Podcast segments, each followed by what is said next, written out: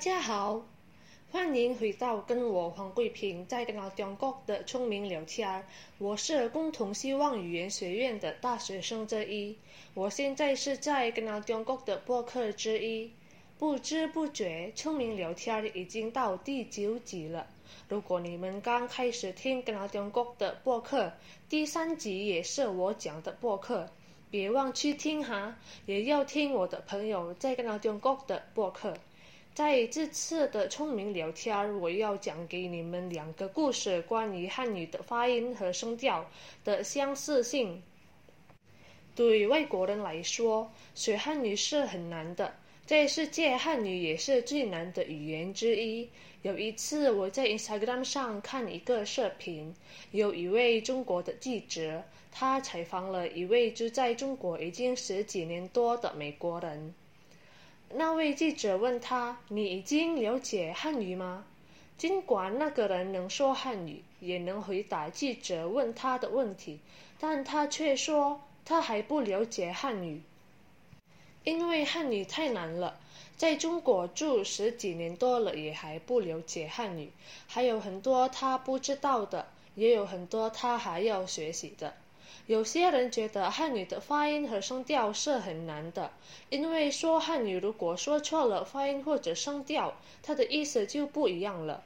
这就是为什么学汉语需要耐心和习惯，慢慢来学，以后你们一定会说汉语的。为你们现在正在学习汉语的朋友们，你们要加油哦！我在这里给你们加油，也鼓励你们。我自己也还有很多要学的。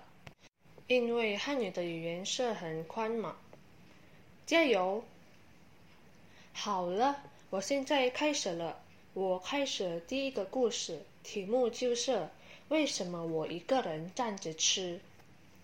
第一的故事有一个漂亮的姑娘叫黛比，她很吃惊，因为吃饭的时候全家人都让她自己站着吃，她觉得真不礼貌。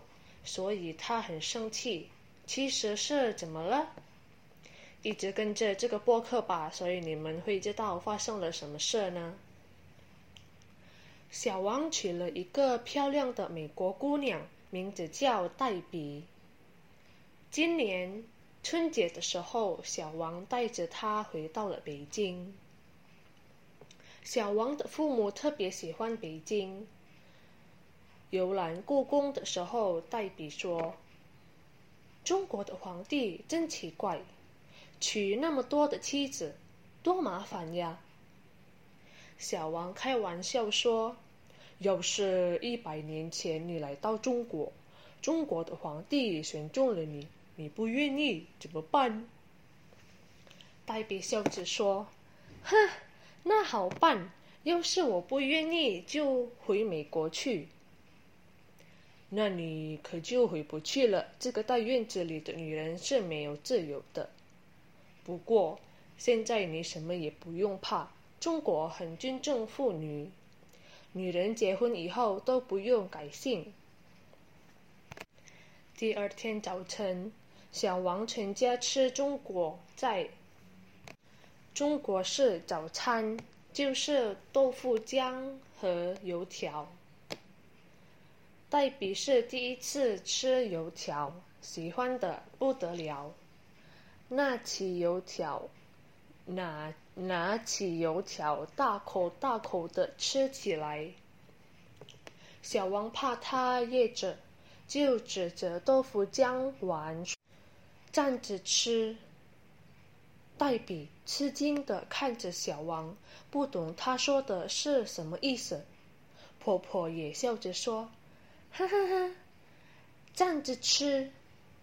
公公也说：“对，站着吃。”小王的弟弟也说：“是啊，应该站着吃。”黛比在美国学过汉语，听力不错，所以跟小王家人交流没问题。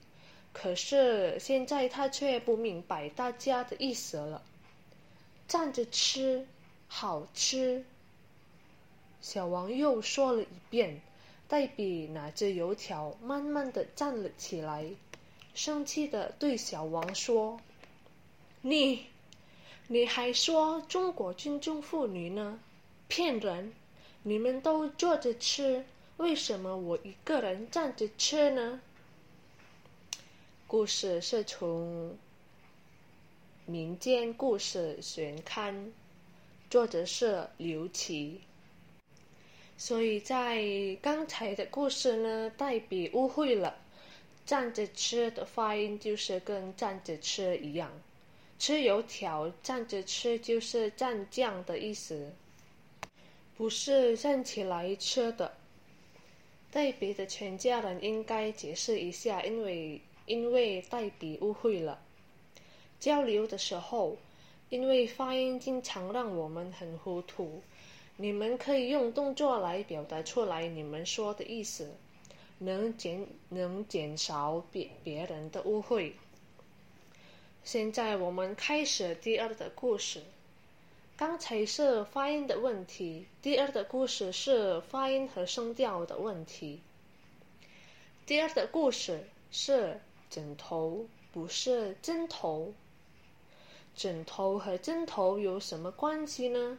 学外语真有意思，有时候说错了也没关系。生活中闹出的笑话，可能也是一种美好的回忆。第二个故事，佩迪出了什么闹笑话呢？一直继续听我的播客哈。这个故事的作者是。格佩迪是美国人，他觉得汉语的四声是太难了，因为我们一般说没有用声调，所以有些人觉得汉语的声调是很难的。有些人第一声说的不准，有的第二声、第三声或者第四声。我我自己觉得第二声和第三声是。很难要分别的，因为听起来有点一样。在第三声，在第三声，有时候我们不需要说的太说的太长，所以听起来像第二声一样。特别是中国人说的很快，更难要分别呢。但没关系，我也还在学习呢。我们是一起学习的。以后我们一定会分别的，加油！如果你们觉得最难的声调是在第几声呢？好，我不要太啰嗦了，直接开始第二的故事。对佩迪来说，汉语的四声真是太难了，因为说不说不准四声，他经常闹笑话。有一次，他到附近的商店去买被子。他问售货员：“请问哪儿买杯子啊？”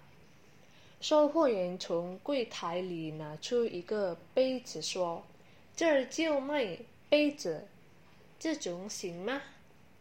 他明白了，是他把被子说成杯子了。售货员误会了他的意思，他没办法，只好一边说出冷的发抖的样子，一边说：“不是杯子，是被子。”售货员笑了：“啊哈哈哈！哦，我看出来了，你冷了，想买被子，被子在二层。”还有一次，他觉得枕头太硬。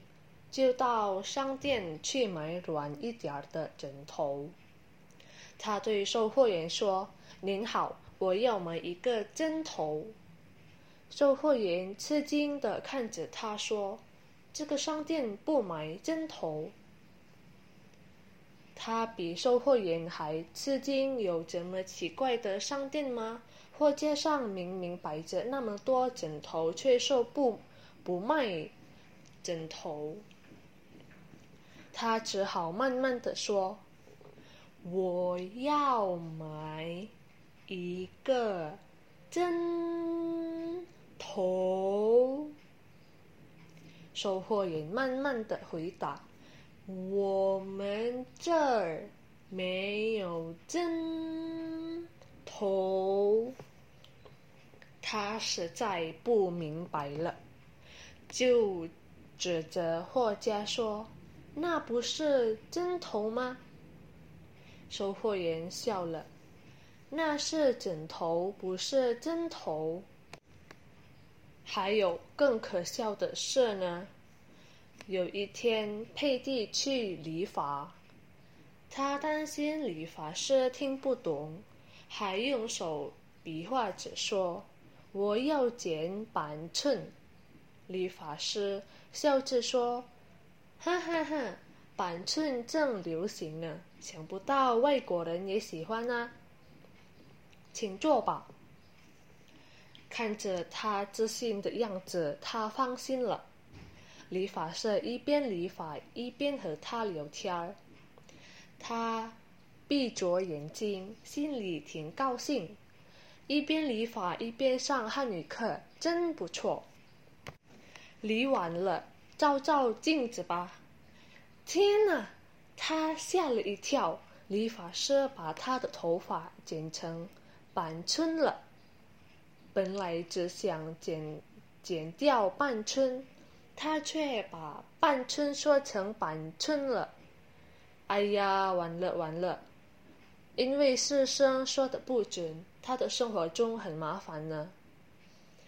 这个故事的作者是葛佩蒂，是美国人。故事是从《环球时报》。刚才第二个故事是关于佩蒂、佩迪自己经过的事情。第二个故事大部分都是说错了声调。第一把被子说成杯子，第二把枕头说成针头。第三把半寸说成板寸，这就是佩佩迪说出的闹笑话，所以售货员和理发师误会了他的意思。这就是为什么声调很重要，说错了声调意思就不一样了。像我刚才说的，如果有人不明白你们说的话，你们可以用动作来表达出来，像佩迪，他做出冷的。冷的发抖的样子，然后售货员才明白他的意思是什么。现在我要告诉你们几个汉语的词有相同的发音。第一是公公和公公，嗯，公公是爷爷的公公，公公是公共汽车的公公共。第二，十四和四十。第三，鞋子，呃，我们在脚下穿的鞋子和写字，写字就是写汉字的写字。第四，哪里在在哪里的哪里和那里在那里的那里。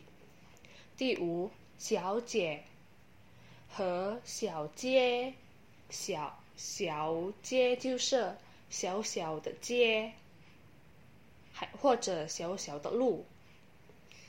第六，汤和糖，汤是喝糖的糖，和糖是糖果的糖。第七，躺，比如是躺着躺着一下，躺着下来和烫。烫衣服的烫。第八，的，的可以说的或者地，比如说的像我的书，说地像墓地的地，嗯，用一样的汉字，但是不一样的发音。第九，得得到的得，觉得的得，等等，和得。德国的德、德语、德文、德黎等等。第十的可以说的或者地，比如说的像蒙的、蒙的、呼的。说地像当地、地球、草地、天地、地方、地址等等。第十一，员工的员和原来的员。员工的员，比如是员工、人员、演员队员、会员等等。原来的原，比如是原来、原因、原样等等。第十二，骑马的马和妈妈的马，妈妈的妈。骑马的马，比如是骑马、马上、马路、马虎、马车等等。妈妈的妈，比如是妈妈、大妈、姑妈、舅妈、爸妈等等。第十三。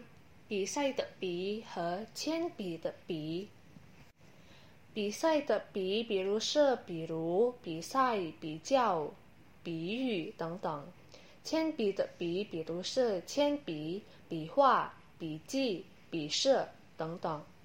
第十四，不是的不和散步的步，不是的不，比如是不是、不过、不能、不行、不同等等。散步的步，比如是散步、跑步、步行等等。最后第十五，刚才的才和蔬菜的菜，刚才的才，比如是刚才、才能、才怪、财力、人才等等。蔬菜的菜，比如是蔬菜、饭菜、菜单、菜花、种菜等等。那就是一些汉语词的例子，还有很多词有相同的发音。刚才只是一点例子而已。好，今天的第九集的聪明聊天儿到这里吧。我希望今天的题目可以给你们很多好处。一直跟着聪明聊天的续集，也别忘在 Spotify、Instagram 和 Twitter 上关注跟阿中国的账户哦。跟跟阿中国学习汉语很容易，谢谢大家已经听今天的播客，再见。跟跟阿中国越来越了解中国。